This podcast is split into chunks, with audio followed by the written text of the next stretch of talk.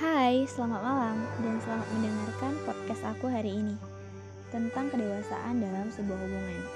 Nah, aku juga udah tanya ke teman-teman aku, apa sih menurut kalian kedewasaan dalam sebuah hubungan itu? Dan aku udah dapat beberapa jawaban dari mereka. Kata Ed Nur Vivi Pratiwi BDM, kedewasaan itu bukan diukur dari seberapa banyak umur kita sekarang, tapi diukur dari sikap dan ketenangan yang kita punya.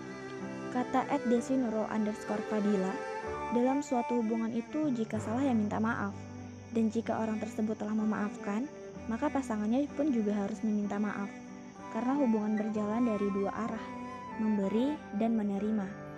Begitupun dengan kata maaf, entah itu sikapnya yang menjengkelkan ketika marah ataupun sikap pasangannya yang melakukan kesalahan. Karena sejatinya, hubungan tidak akan menyakiti di antara mereka. Itulah mengapa kata maaf itu perlu bagi keduanya.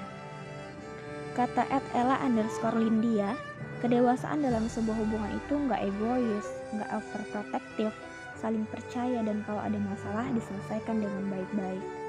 Nah, apa pun itu menurut kalian, dalam sebuah hubungan itu nggak lepas dari rasa cemburu, curiga, marah-marah, dan lain sebagainya. Tapi jangan sampai berkata kasar kepada pasangan kalian.